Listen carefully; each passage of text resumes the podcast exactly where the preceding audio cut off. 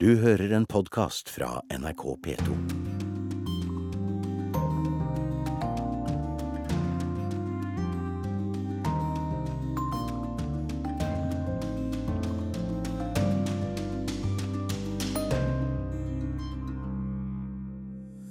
Jødiske barn ble gitt bort og eksperimentert med.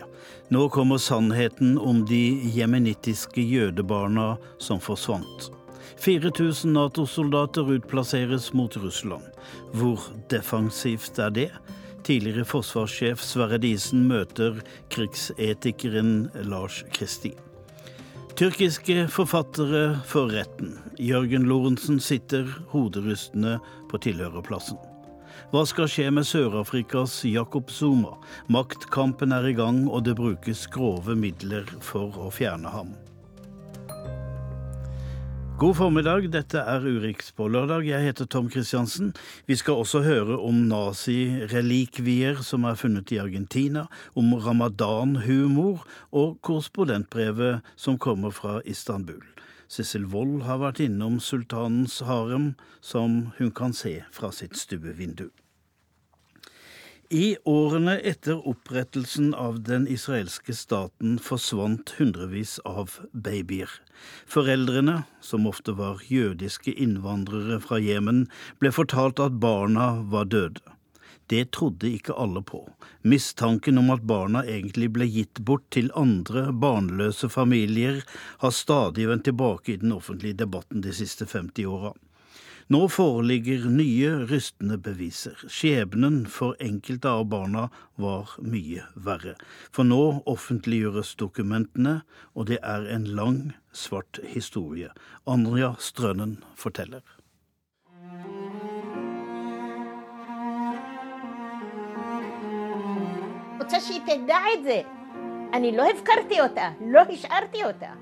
Jeg vil vite hvor det ble av min datter. Jeg vil hun skal vite at jeg ikke ga henne bort. Ordene kommer fra 78 år gamle Lea Aroni. Blikket hos den jødiske kvinnen er fast og stemmen tydelig. Hun slår med en knyttet neve i luften for å understreke hvert ord hun sier. Ved siden av henne henger et bilde i sort-hvitt. Mor og far og fem barn. De ser alvorlig på fotografen like før de skal ut på en reise. Da Lea var ung, flyktet hun og familien fra volden i Jemen på begynnelsen av 50-tallet. Sammen med nærmere 49 000 jøder fra Jemen og flere nærliggende land ble de fløyet ut i en operasjon som fikk navnet Magisk teppe. Målet var det nyopprettede hellige staten Israel. Vi gikk av flyet, og alle kysset den hellige bakken, landet vi hadde drømt om, forteller Lea til BBC. Så hørte vi bombene og granatene og så røyken. De hadde ankommet underernærte og blakke midt under den arabisk-israelske krigen. Det var krevende tider, forteller historiker Tom Segev. No where to house them, so they were housed in tents in very, very chaotic uh, conditions. And they continued to die just as they had Yemen. There was child mortality of 50% in Yemen. It's a story of of chaos. A very, very tragic story. It's the price these people paid for uh, the birth of Israel. 50 av barna fra Jemen døde under de vanskelige forholdene i det hellige landet, forklarer historikeren Tom Segev til BBC. Han er en av flere historikere som har kommet med denne forklaringen på en historie som har ridd Israel som en mare opp gjennom årene. Hundrevis, ja kanskje så mange som tusen nyinnflyttede jøder i Det hellige land meldte at barna deres var blitt borte. Ifølge BBC står det i enkelte av rapportene at noen av barna forsvant etter at rike amerikanske jøder besøkte de fattige leirene. Mens andre barn ble brakt til sykehus for mindre skader, så fikk foreldrene beskjed om at barnet hadde dødd. Det ble aldri skrevet ut noen dødsattester eller vist til noen grav.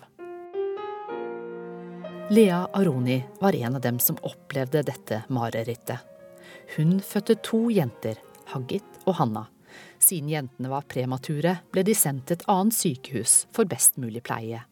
Men da Leas mann møtte opp for å se jentene på sykehuset, fikk han beskjed om at Hanna ikke hadde overlevd. Det har Lea aldri godtatt.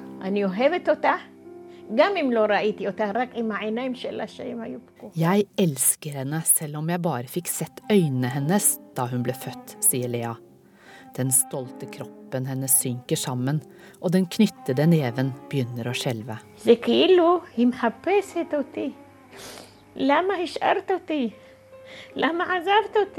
Det føles som om hun ser etter meg og spør hvorfor jeg forlot henne. Men jeg forlot henne ikke, de lurte meg, sier Lea til BBC. På 60-tallet ble denne følelsen av at noe var galt, forsterket. Ifølge BBC mottok flere foreldre da innkalling til militærtjeneste for de forsvunne barna. Beskyldningene haglet mot myndighetene. At de sto bak forsvinningene sammen med leger. At det var organisert kidnapping. Beskyldningene har aldri stilnet. Myndighetene har svart med tre offentlige utredninger, alle med like klare konklusjoner fra historikerne. I don't think that there was a conspiracy to steal uh, Yemenite children or any other children. Det var ingen sammensvergelse for å stjele barn, sier historiker Tom Segev. Han satt selv som ekspertvitne for en av utredningene til myndighetene. I fjor bestemte likevel den israelske statsministeren Benjamin Netanyahu seg for at arkivene skulle gjennomgås på nytt og åpnes for publikum. Ifølge Financial Times tok det ikke lang tid før lederen for denne gjennomgangen gikk ut i et TV-intervju i Channel 2, Meet the Press, og sa det motsatte av alle tidligere konklusjoner. Hundrevis av barn hadde blitt kidnappet. Men han sa også at det var uklart om myndighetene hadde visst om dette. Forrige uke kom det enda mer rystende nyheter i Knesset, parlamentet i Israel, ifølge BBC og Times of Israel. Spesialkomiteen for de forsvunne barna viste fram bilder som de mener dokumenterer at det ble foretatt medisinske eksperimenter på noen av barna som forsvant for 50 år siden. I et av bildene ser man nakne barn med skrift på kroppen som markerer hvor de ulike organene er. Komiteen avslørte også at det ble utført obduksjoner på de døde barna uten at foreldrene fikk beskjed. Etterpå ble likene lagt i massegraver i strid med jødisk tradisjon. Lea håper fortsatt at datteren Hanna skal være i live. Som så mange andre i hennes situasjon har hun nå avgitt DNA som skal sjekkes opp mot en ny database for jøder fra Jemen.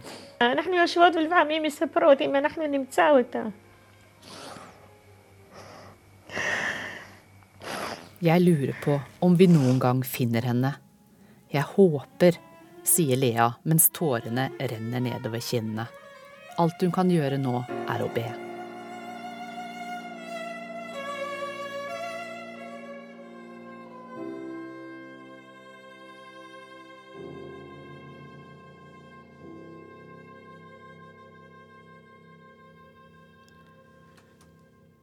Denne uka utplasserte Nato 4000 kampklare soldater i de baltiske land og Polen.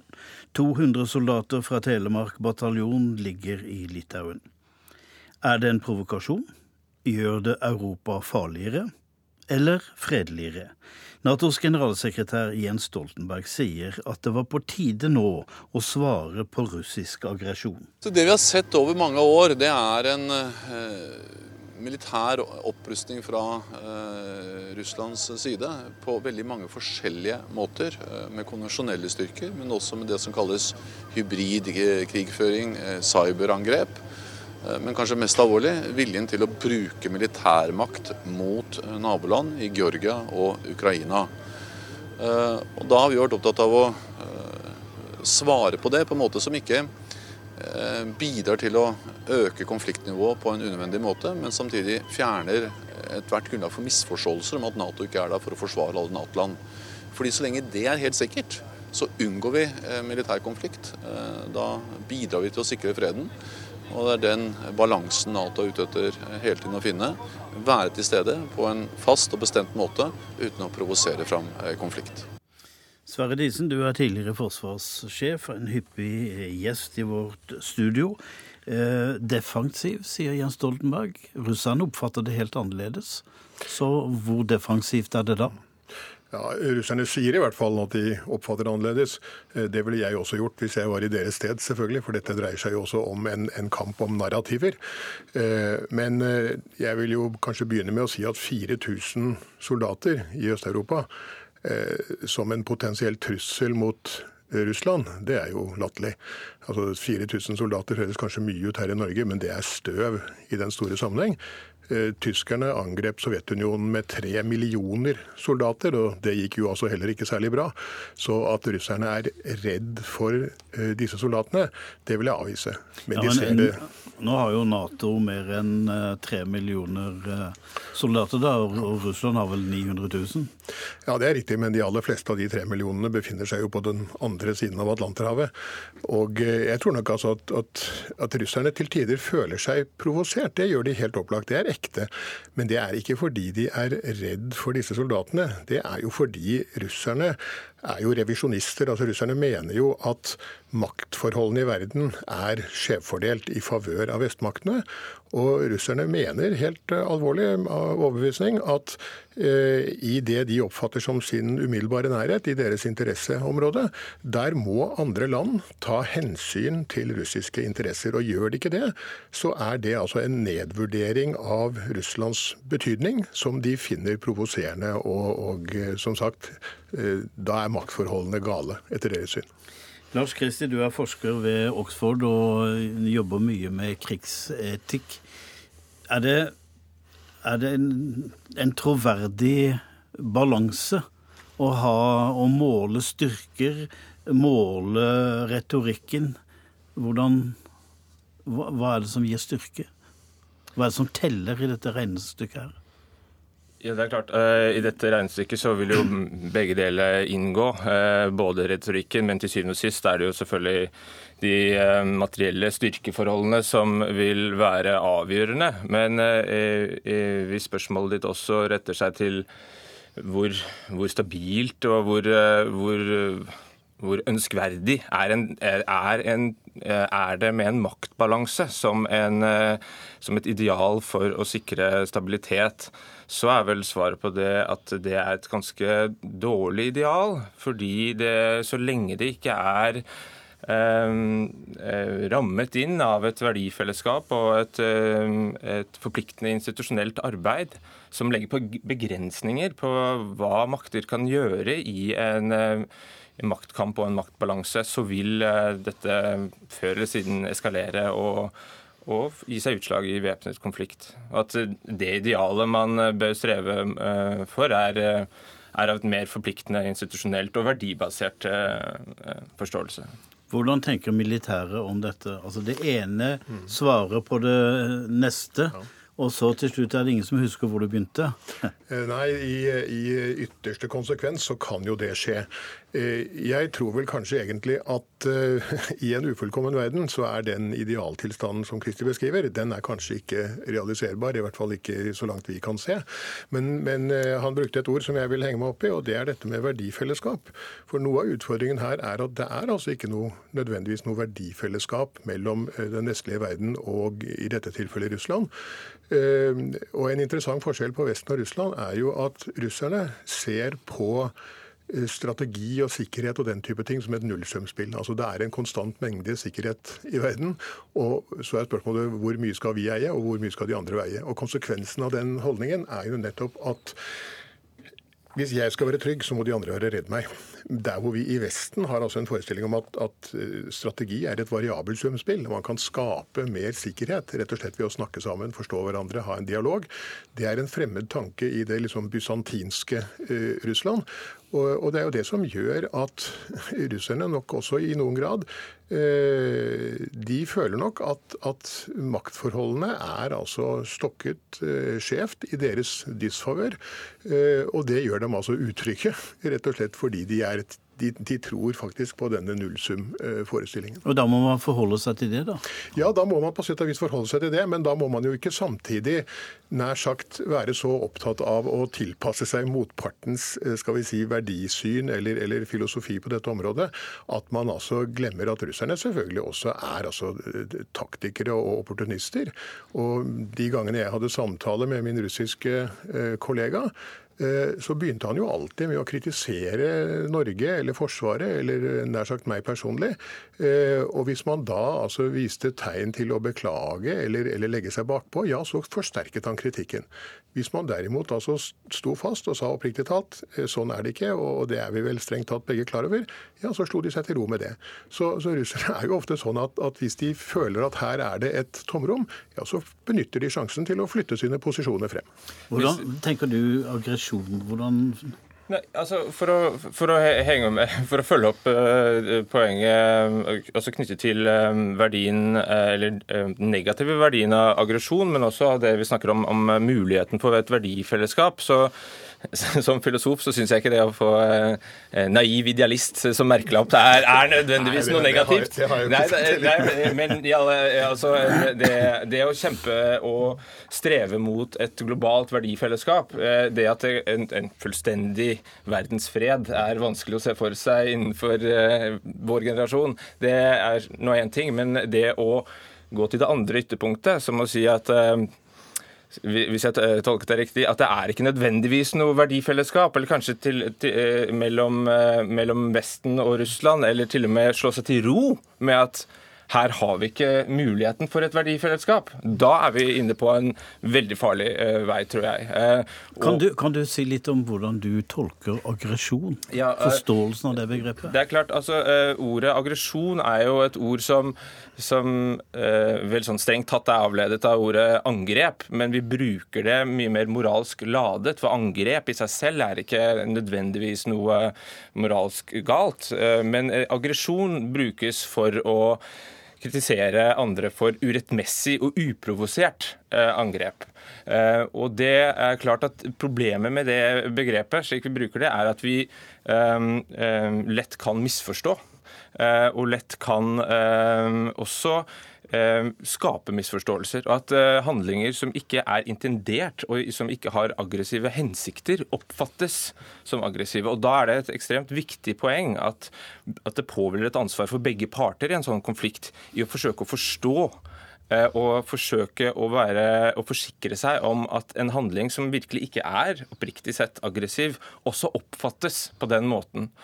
Helt til slutt, Disen, ser du problemet med misforståelser, eh, bemerkninger som ikke burde kommet. Alt dette som kan drive temperaturen oppover og være skadelig? Altså Militærhistorien er spekket av eksempler på det, så det er det ingen tvil om. Men, men jeg vil jo samtidig si at, at jeg ser jo ikke på, på denne, dette ønsket om et verdifellesskap eh, som naiv idealisme, men jeg ser det som et eksempel på at man må kunne ha to ting i hodet på en gang. Man må altså på den ene side kan gjerne arbeide langsiktig for en, en slags global felles forståelse av disse tingene, men samtidig så må man altså ta konsekvensen av at der er vi ikke enda, eh, og nær sagt eh, gjøre som Cromwell, stole på Gud, men holde kruttet tørt. Da må jeg dessverre si takk til dere, Sverre Disen og Lars Kristi.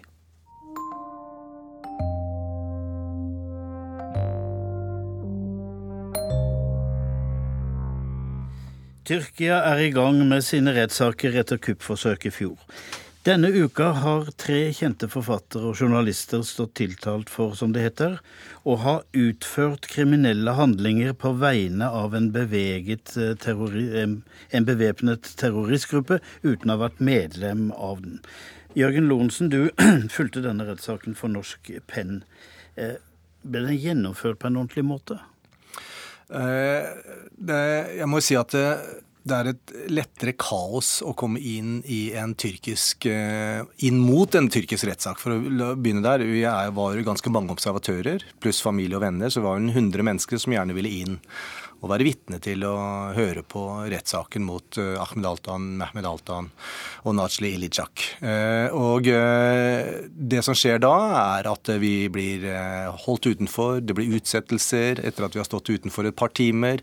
Så flytter de saken til en annen sal, og så løper vi rundt, og så går vi utenfor der og venter. og Det er en form for trakassering rett og slett av både de tiltalte og eventuelle påhørere og, og, venner og bekjente og familie her. Men så kommer jo alt dette inn i det juridiske språket. Ja. Og opp gjennom den asfalten av juss så stiger det altså noen nydelige formuleringer, for dette er jo forfattere.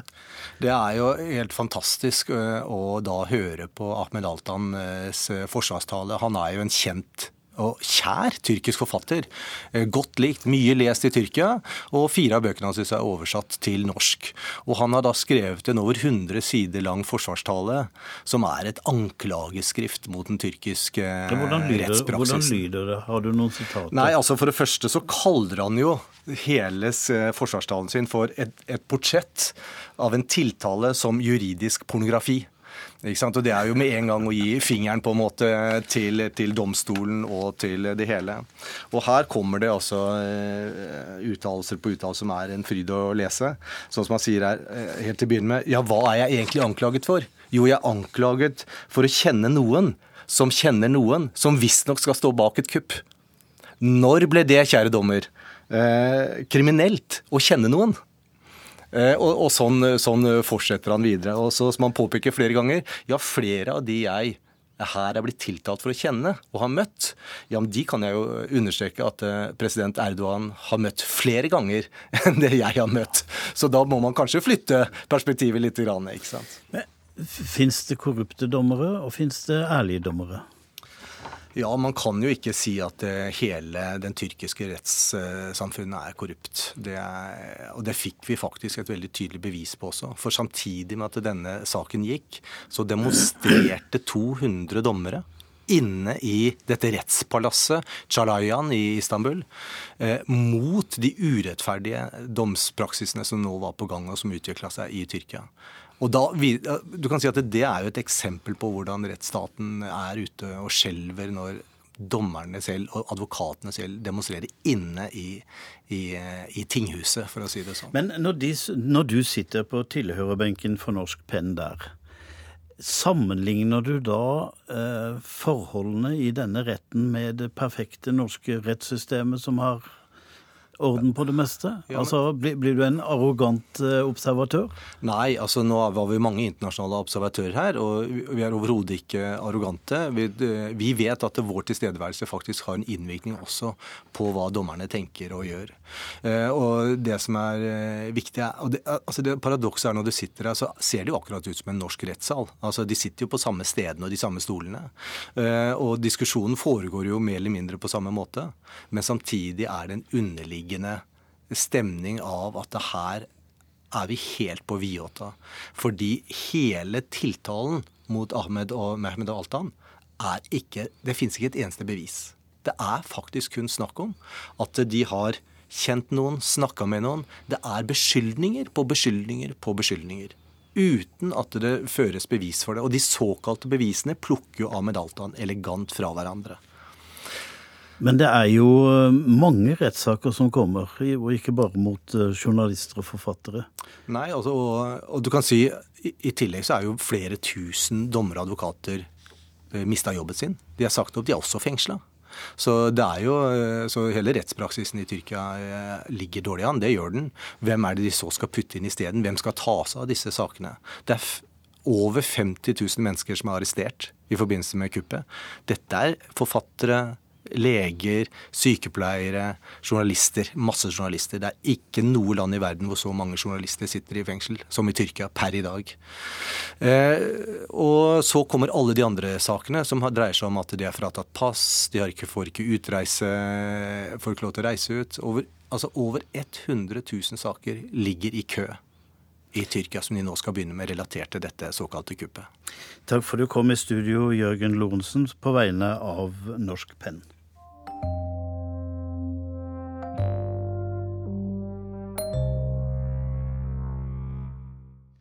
Fastemåneden ramadan slutter denne helgen. Det har vært en måned med forsakelser av bønn, men alt har ikke vært alvor og religiøs konsentrasjon. De siste ukene har millioner av TV-seere latt seg underholde av egne ramadan-serier.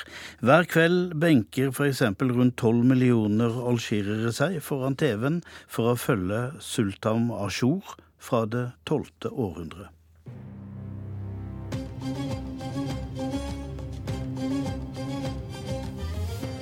En sultan eller en konge i eksklusive gevanter med en stor og flott krone på hodet. Rådgivere i kapper og med turban prydet med kostbare steiner. Vakre kvinner, også de i fargerike gevanter med overdådige smykker.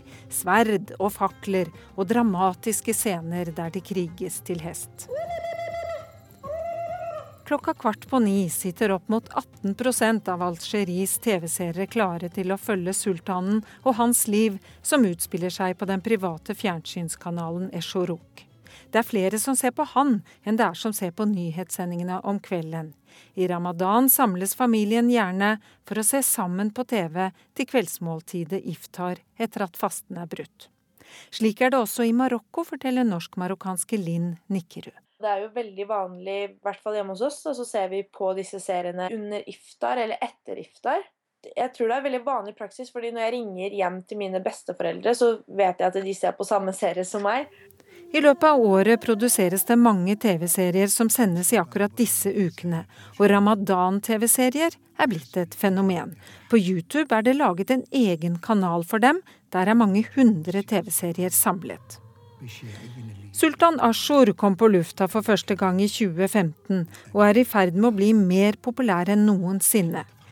For selv om Harim Sultan er en tyrkisk saga fra flere århundre tilbake, er det som skjer svært så gjenkjennelig.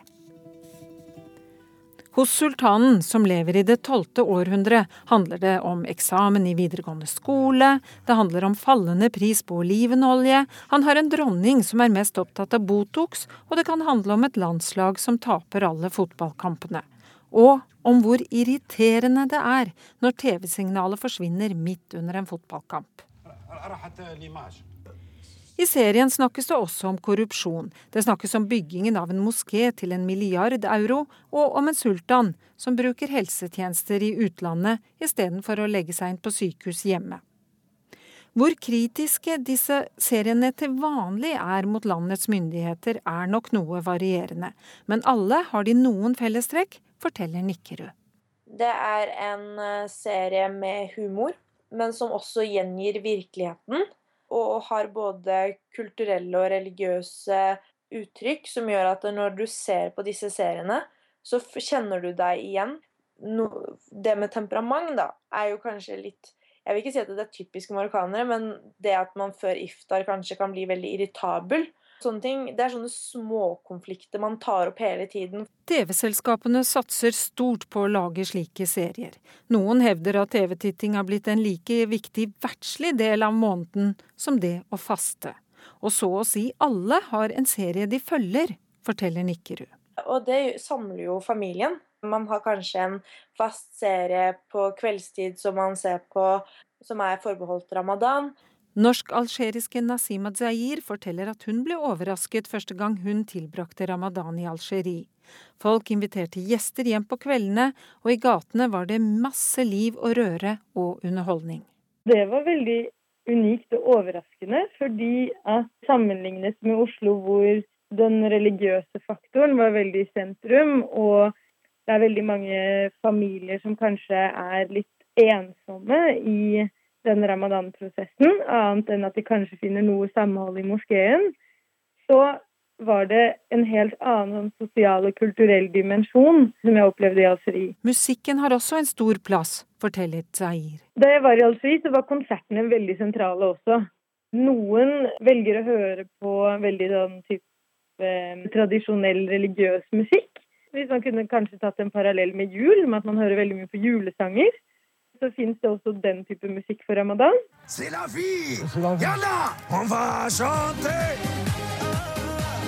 Og mens sultanen i TV-serien som liksom er fra 1200-tallet tuller med en populær låt, så kan man også låne øre til noe av den mer typiske ramadan-musikken.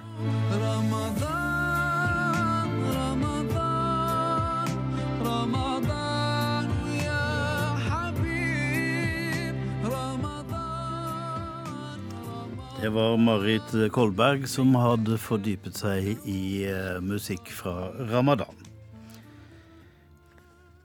Politiet i Buenos Aires beslagla denne uka 75 gjenstander med tilknytning til Nazi-Tyskland. Det er ingen tvil om at de er ekte. Det er f.eks. fotografier av Adolf Hitler der han benytter seg av noe av det som ble funnet i Argentina. Det ligger en gammel historie bak dette beslaget. Joar Hoel Larsen, hvorfor havnet disse nazirelikviene i Latin-Amerika? Ja, Det enkle svaret er jo at det var dit de dro, så mange som mulig av dem. Eh, for der ble de ønsket velkommen og tatt godt imot, og de fikk beskyttelse. Og ikke minst, de kom til sine egne og var blant venner, som Erich Pribke. Senor Pribke, Sam Donaldson of American Television. Yes, Senor Pribke, yes. You were in the Gestapo in 1944, were you not? In Rome? Yes, in Rome, yes. Yes, I was there, but I 1994 klarte det amerikanske TV-selskapet ABC å spore opp den tyske Gestapo-offiseren. Han var ansvarlig for tortur og drap i Italia under krigen, rene likvideringer av motstandsfolk og sivile, jøder og barn. Sam Donaldson konfronterte ham med disse anklagene på gata i Bariloche i 1994, der Pribke hadde levd helt åpent, til dels under fullt og eget navn, i nærmere 50 år. Pribke angret ingenting. Han hadde bare fulgt ordre. that was a, a thing that was ordered by our command. But orders are not an excuse. Oh, but at that time, order was an order, you man, you see. And you carried it out. Yeah, I had to carry it out, yes. And civilians died. Tallene er grove anslag og svært upresise, men nærmere 10 000 krigsforbrytere skal ha gått i dekning i Latin-Amerika i årene etter annen verdenskrig. De fleste av dem tyske nazister, ca. 5000 totalt til Argentina alene, ifølge anslag og beregninger. De hadde alle viet sine liv til Det tredje riket, men ville ikke gå i døden for Adolf Hitler, eller i fengsel for sine gjerninger og meninger. Das deutsche Volk ist glücklich in dem Bewusstsein, dass die ewige Flucht der Erscheinungen nunmehr endgültig abgelöst wurde von einem ruhenden Pol. Selv om Hitler var død og krigen var over, holdt mange nazister sammen i de såkalte fredsårene. Og politisk konservative europeere med sympati for nasjonalsosialismen hjalp meningsfeller og sine alte-kameraden. Torturister og mordere slapp unna, de rømte og gikk dermed fri. Tryggheten økte med avstand, og det var veldig langt til Pampasen for 70 år siden. Sveitsiske bankfolk skaffet penger, og Vatikanet ordnet reisedokumenter. Røde Kors lot seg misbruke, og Juan Perons Argentina spilte rollen som nyttig idiot. La responsabilidad de la.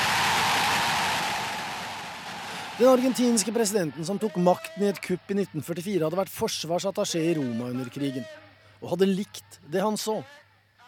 I likhet med mange latinamerikanske offiserer var han nasjonalist og fascistsympatisør. Han var antikommunist og antisemitt. Og allerede den gang var Falklandsøyene et tema som gjorde forholdet til Storbritannia anstrengt. En tysk seier over britene kunne dermed gi Argentina en uvurderlig politisk og ikke minst territoriell gevinst. Samt de fleste argentinere kom opprinnelig fra Spania og Italia. De var katolikker og latinere. Så argentinere flest følte et nært kulturelt og religiøst og kanskje også politisk slektskap med folk fra de europeiske middelhavslandene. Samtidig hadde Argentina en relativt stor og ikke minst mektig tysk minoritet i landet fra gammelt av, slik at sympatien for aksemaktene var påtagelig, selv om landet formelt sett holdt seg nøytralt under annen verdenskrig. Porque interpreto este movimiento colectivo como el renacimiento de una conciencia de los trabajadores. At Juan Perón gikk inn på de alliertes side i slutten av mars 1945 og erklærte Tyskland krig, må sees på som et opportunistisk vedtak basert på en kynisk overlevelsestaktikk. For Perón samarbeidet tett med den høyreorienterte europeiske undergrunnsbevegelsen som organiserte fluktveiene gjennom og ut av Europa til Latin-Amerika, de såkalte rotterutene, forteller forsker og forfatter John Loftus. We called it the rat line. That was the American code word for the operation. The rat line. The rat line. John Loftus is a former Nazi hunter for the U.S. Justice Department who spent years investigating this elaborate escape route known as the Rat Line. Den ene gikk via Franco-Spania og videre derfra. Den andre til Italia, og så med båt fra Genoa til friheten i Argentina. Britisk og amerikansk etterretning var informert, men grep ikke inn. Nazistene kunne nemlig komme til å bli verdifulle, for i likhet med Vatikanets pave Pius 12., som aktivt bisto bødler på flukt, så var ikke nazismen lenger fienden, men kommunismen. He says Pope Pius XII was pro-German because he saw the Nazis as a bulwark against the communists, whose ideology the Pope viewed as a mortal threat to the church. Den argentinske journalisten Carlos Echevarria er selv fra Bariloche, en slags bayersk alpeidyll i Andesfjellene, med tysk dominans og samhold. Pasé mi infancia en Bariloche, que entonces apenas era una pequeña ciudad turística dedicada al esquí. Echevarria hadde vokst opp bare 500 meter fra huset der Erich Pripke bodde, og hadde gått på den tyske skolen, men ble ansett som en forræder, siden moren hans, som var tysk, hadde giftet seg med en argentiner, altså utenfor det tyske fellesskapet. Personas a las que conozco bien, argentinos y alemanes, se dejan ver públicamente al lado de un criminal de guerra. Me atacan y me llaman traidor, porque me han reconocido como antiguo alumno del colegio alemán. Carlos Echevarria lagde en film som ble vist på History Channel. Den kalte han for Taushetspakten. Med andre ord, det var ting man visste, men ikke snakket om. Tyskerne sluttet rekken i Bariloche.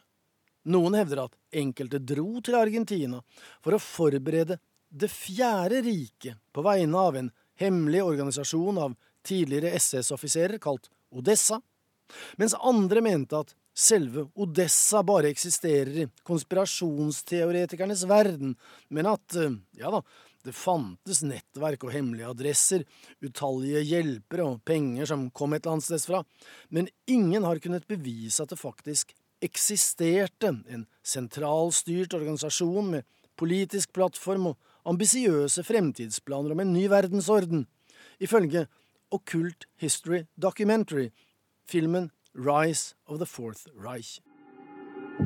And most German officials deny the existence of the highly organized, centrally funded group portrayed in the novel. Erich Pribke, som vi hørte innledningsvis, ble utlevert til Italia og fikk i en alder av 85 år livsvarig fengsel for en represalie i 1944, der 335 italienere ble skutt og drept uten lov og dom. Han døde i 2013, 100 år gammel. Og det er ikke mange igjen nå med hans fortid og rulleblad.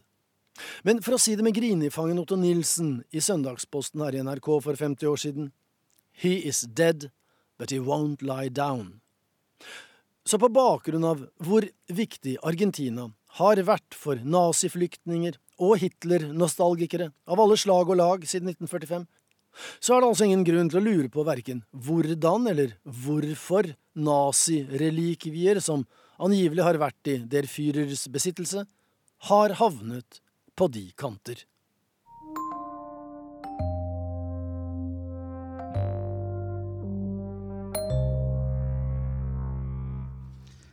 I regjeringspartiet ANC i Sør-Afrika pågår en maktkamp som mest av alt ligner en såpeopera. Men dette er ikke underholdning. Det står om president Jakob Zuma.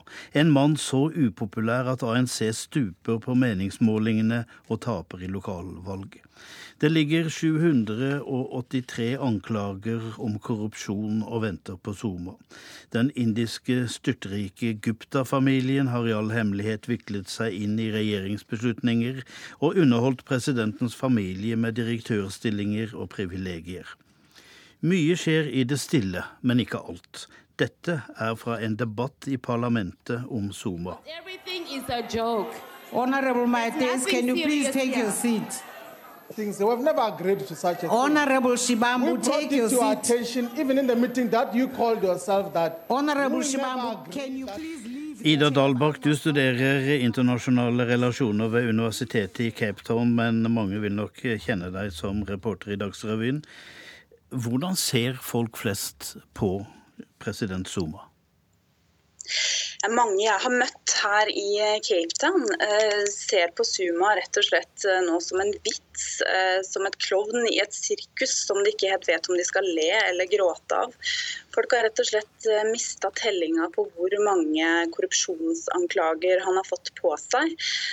Og særlig i byene, som i Cape Town hvor jeg bor, så vil man bli kvitt presidenten. Han har rekordlav popularitet i hele landet og står svakere enn noen annen politisk figur i det demokratiske Sør-Afrika. Og så mange som 70% vil at han skal gå av. Men det kommer selvfølgelig an på hvem du spør. For det fins jo Ja, for det, noen må jo, det er vel noen som støtter han. Det er jo noen som støtter han. Ja, det er det absolutt. Eh, og de som støtter ham, det er bl.a. kvinnebevegelsen i hans eget parti og ungdomsbevegelsen.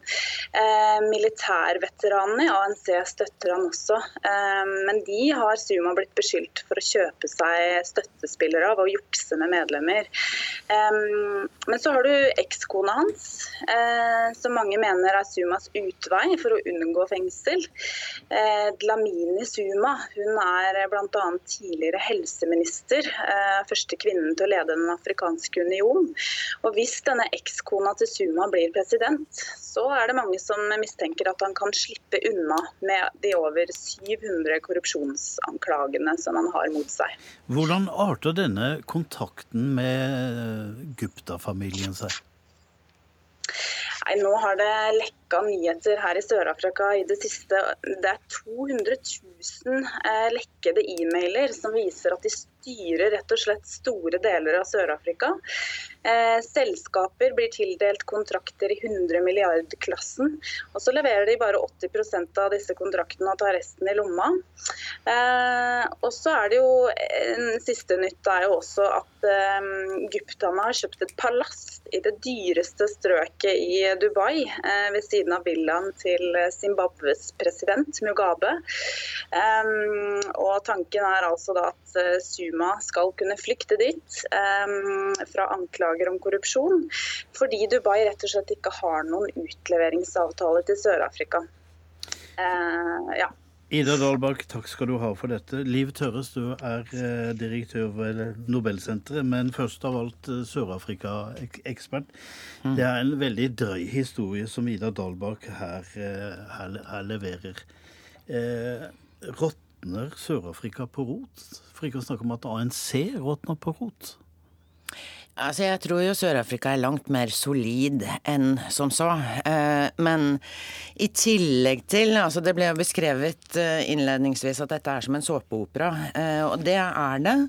Samtidig så, så må jeg understreke at det var jo ingen av oss som hadde trodd at vi skulle komme hit. Altså Hvis du går 20-30 år tilbake i tiden anti-apartheid-kampen, eh, et, et vell av strategiske aktivister, genier, som ledet den, demokratiske sådanne, som, som skulle overta makten i Sør-Afrika. Altså På begynnelsen av 90-tallet så trodde vi jo staten Sør-Afrika, den nye demokratiske staten, skulle gå, bevege seg rett inn i himmelriket. så dette er en trist historie, først og fremst. Men ANC råtner på rot. Ja, vi begynner å få dårlig tid. Mm. Hva er Somas strategi nå? Det skal være et møte om politikken i ANC om et øyeblikk neste Ja, uke. det starter en policykonferanse om få dager. Den er viktig. Den vil klargjøre posisjonene og ikke minst kandidatene fram mot landsmøtet som skal skje i desember, der det skal velges ny partileder. Det er viktig fordi at den nye partilederen kommer til å bli, tror ANC, landets neste president. Og da står altså kampen mellom Zumas ekskone, med mindre han nå klarer å utvide partilederposisjonen sin i to år til. Da har han litt lengre tid på seg, i hvert fall til å være både partileder og president. Men når det gjelder presidentembetet, ANCs representant, så står det mellom to kandidater. Det er Zumas ekskone og Cyril Ramaphosa. Og hvem vinner? Det er eh, veldig uklart. Mange sier at det er guptaene som styrer. Zuma styrer mye av dette. Jeg tror ikke vi skal gjøre den bommerten og tro at Zuma er satt utover sidelinjen. Han styrer mye av dette. Han har plassert inn folk i lederposisjoner i partiet, som gjør at han har ganske god kontroll både over sentralstyret og over valg av delegater til landsmøtet, og ergo framtida til partiet. Så det er slettes ikke sikkert at den folkelige motstanden vi nå ser på bakken, kommer til å eh, ende med at zoomaene taper valget om ANC og eh, presidentembetet. Så får vi se om det er noen Mandelaer igjen i Sør-Afrika. Vi kan håpe. Takk skal du ha, Liv Tørres. Da er vi kommet fram til brevet denne uka. Det kommer fra Istanbul. Det er skrevet av Sissel Wold, og hun har besøkt en lukket verden fra en annen tid. Kanskje hun satt på en høyde og så utover det klare, blå havet da hun hørte kirkeklokkene. Hvorfor ringte presten til messe nå? Var det et varsel? Anastasia løp mot landsbyen på den greske øya Kefalonia. Eller var det Tios? Jenta med det lange, blonde håret var bare 15 år og kjente ikke mye til verden utenfor. Inne i landsbyen så hun at folk løp i panikk. Fremmede menn med våpen og søkende blikk trampet inn i husene. De var kommet for å hente en gave. De lette etter en slave. De fant Anastasia og tvang henne med seg. Foreldrenes bønner og høylytte gråt hjalp ikke. Den vakre tenåringen skulle foræres sultan Ahmed i Konstantinopel. Ahmed den første var bare en tenåring selv da han ble det osmanske rikets hersker. Vel fremme i Topkapi-palasset ble varen levert ved porten til haremet. Anastasias tenner og helsetilstand ble undersøkt av haremets daglige leder. Så var det tid for skrubb og vask i tyrkisk bad. Deretter ble hun kledt opp i en vakker, lang silkekjole og sendt inn i fellesrommet. Der skulle hun bo i et gyllent bur sammen med alle de andre håpefulle konkubinene. Omtrent slik må det ha foregått da unge kvinner ble røvet til sultanens palass, som ligger her i Istanbul. I mer enn 400 år ble store deler av Midtøsten, Nord-Afrika og Europa styrt herfra, og haremet var hjertet i palasset. Kvinnene som havnet her, hadde ett mål å bli sultanens favorittkonkubine og føde hans barn, og vi snakker om guttebarn. Det var veien opp og frem. De kom som slaver, men kunne avansere til å bli sultana eller dronningmor.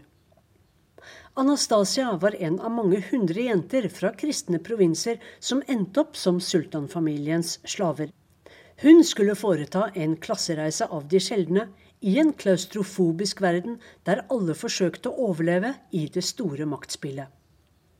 For verdenen utenfor palassets murer er livet i haremet omgitt av stor mystikk. Siden de som levde i denne lukkede delen av palasset hadde forbud mot å skrive brev eller dagbøker, florerte ryktene og ga liv til frodige fantasier om hva som egentlig foregikk i et samfunn av vakre og sjalu kvinner, kastrerte menn og sultanen og hans mektige hoff. Fra leiligheten min her i Istanbul ser jeg over til tårnet som troner over det gamle haremet i Topkapi-palasset. Nå kan alle komme inn og se hvor dette underlige samfunnet holdt til. Når jeg går gjennom de lange korridorene der lysfaklene lyste opp steinveggene i nattemørket, tenker jeg på de unge kvinnene, kanskje bare 15-16 år gamle, som ble fulgt til sultanens soverom. Så nervøse de må ha vært men samtidig lykkelige over at det var deres tur i natt. Dette var deres sjanse. For om hyrdestunden med sultanen ble velsignet med graviditet, kunne konkubinen sikre seg makt og rikdom. Men også frykt og ulykke. Å gå rundt i haremet er som å gå i en labyrint, for dette lille samfunnet hadde 70 rom. Det er konkubinenes ankomstrom, det er evenukkenes tyrkiske bad, det er haremets bønnerom, og det er rommet til sultanens favoritter, for å nevne noe. Vi ser vegger som er rikt dekorert av fliser i blått, hvitt og turkist. Stuene har en slags peis og ildfat og persiske tepper. Langs veggene ser vi divaner i rødt mønstret stoff. Dørene er pyntet med perlemor og skilpaddeskjell. Vi går gjennom den mektige sultanmorens staselige rom. For selv om kvinner og menn levde adskilt her, regjerte flere av sultanmødrene imperiet gjennom sine sønner. Fra bak gittere og gardiner ga de sine råd og ordre. Siden sultanfamilien ikke hadde lov til å ta slaver blant muslimer, ble kvinnene som ble konkubiner, og mennene som ble kastrert for å bli evenukker, hentet fra kristne familier. Når de var plassert bak de tunge tredørene i dette luksusfengselet, konverterte de til islam. Evenukkene kom fra afrikanske land, og de kunne bevege seg mellom haremet og delene av palasset der mennene holdt til. Oppgaven deres var å servere og ledsage kvinnene og passe på at de holdt seg bare til én mann, nemlig sultanen. Noen sultaner elsket sine mange konkubiner, mens andre ikke var like interessert. Opprinnelig var skikken at luksusslavene bare skulle få én sønn, en arving hun skulle bruke all sin tid på. Flere sønner kunne raskt bringe bunnløs sorg. For når én ble sultan, måtte de andre brødrene og halvbrødrene drepes for å hindre maktkamp og i verste fall borgerkrig. Broderdrapene skulle sørge for ro i imperiet, til det beste for folket. Da sultan Morad kom til makten i 1574, fikk han sine fem yngre brødre kvalt for å kvitte seg med konkurrerende arvinger. Men så viste det seg at Morad led av impotens. Ved hoffet hadde de imidlertid kurer mot slikt, for imperiet var avhengig av arvinger. En kur gikk ut på å samle store, røde maur og helle sesamfrøolje over, og la denne insektblandingen stå i solen i 20 dager. Etter at blandingen ble eldet i mortel, skulle den smøres på fingre, tær og i armhuler. Om det var denne kuren sultan Morad brukte, var den effektiv. For han skal etter sigende ha fått mer enn 100 barn med sine mange konkubiner. Men Morads aktive kjærlighetsliv førte til et blodbad da sønnen Mehmet 3. overtok i 1595. For å hindre maktkamp tok han livet av 19 brødre. Hele 19 draperte kister ble båret ut av palasset, til tårer og hjerteskjærende hyl. Selv englene gråt den dagen, ble det fortalt i Konstantinopel. Barn av sultanene, både jenter og gutter, vokste opp i haremet med sine mødre. En av de siste som vokste opp slik, var prins Osman Ertugul. For meg var dette helt normalt, jeg trodde at alle andre også levde slik, sier han. Og prins Osman Ertugul kan nok takke Osmanerrikets endelige fall i 1923 for at han er i live. Hadde broren min blitt sultan, hadde jeg også blitt kvalt, sier prinsen i en dokumentar fra Timeline Productions. I lobbyen i Istanbuls fornemme Bosporos parkhotell henger åtte av imperiets mektigste kvinner i form av portretter. Og det er her vi møter Anastasia igjen, eller sultana Køsem, som hun er kjent som nå. Først var Køsem sultan Ahmeds andre eller tredje konkubine men hun lærte seg spillet i palasset. Ambassadøren fra Venezia omtalte den da 23 år gamle Køssem i en rapport fra 1612. En kvinne med skjønnhet og dyktighet, og med mange talenter. Hun synger vakkert, og kongen elsker henne fortsatt høyt. Ikke at hun er elsket av alle, men hun blir lyttet til i enkelte saker, og er sultanens favoritt. Han ønsker henne ved sin side hele tiden. Anastasia, eller Køssem, fikk mange barn med Ahmed den første. Og da først Ahmeds mektige bestemor, og senere også mor, døde, grep Køssem muligheten. Hun fylte maktvakuumet og tok rollen som sultanens rådgiver. Snart hadde Køssem stor politisk innflytelse. Men da sultan Ahmed døde bare 27 år gammel, mistet hun sin beskytter og sin makt. Seks år senere kom hun sterkt tilbake da sønnen Morad ble sultan. Og slaven fra en liten gresk øy var ikke lenger sultanens favorittkonkubine eller mor til hans barn. Nå var hun dronningmor og i praksis det osmanske rikets sultan. For siden sønnen bare var elleve år, styrte hun på hans vegne. Hennes andre sønn Ibrahim levde i konstant frykt for å bli kvalt med et tau da broren Morad ble sultan. Men Køssem sørget for at Ibrahim fikk leve for å ha et kort til i ermet. Da den mentalt ustabile Ibrahim ble sultan, regjerte Køssem på hans vegne også. I over 40 år dominerte hun styret av det osmanske verdensriket. Men palassets mange intriger og maktkamper felte henne til slutt. For en annen ambisiøs slave, Turhan Hatija, som var kidnappet fra Ukraina eller Russland, beordret Køssem drept. Hatija var Køssems egen svigerdatter. En legende forteller at sjefen for evenukkene kvalte henne med et gardinbånd. En annen at den utsendte bøddelen tok sultanaen av dage med hennes eget lange hår.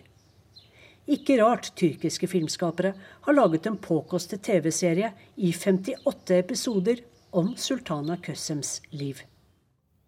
Der setter vi strek for Urix på lørdag. Teknisk ansvarlig var Hanne Lunås, produsent Kari Bekken Larsen. Tom Kristiansen takker for seg.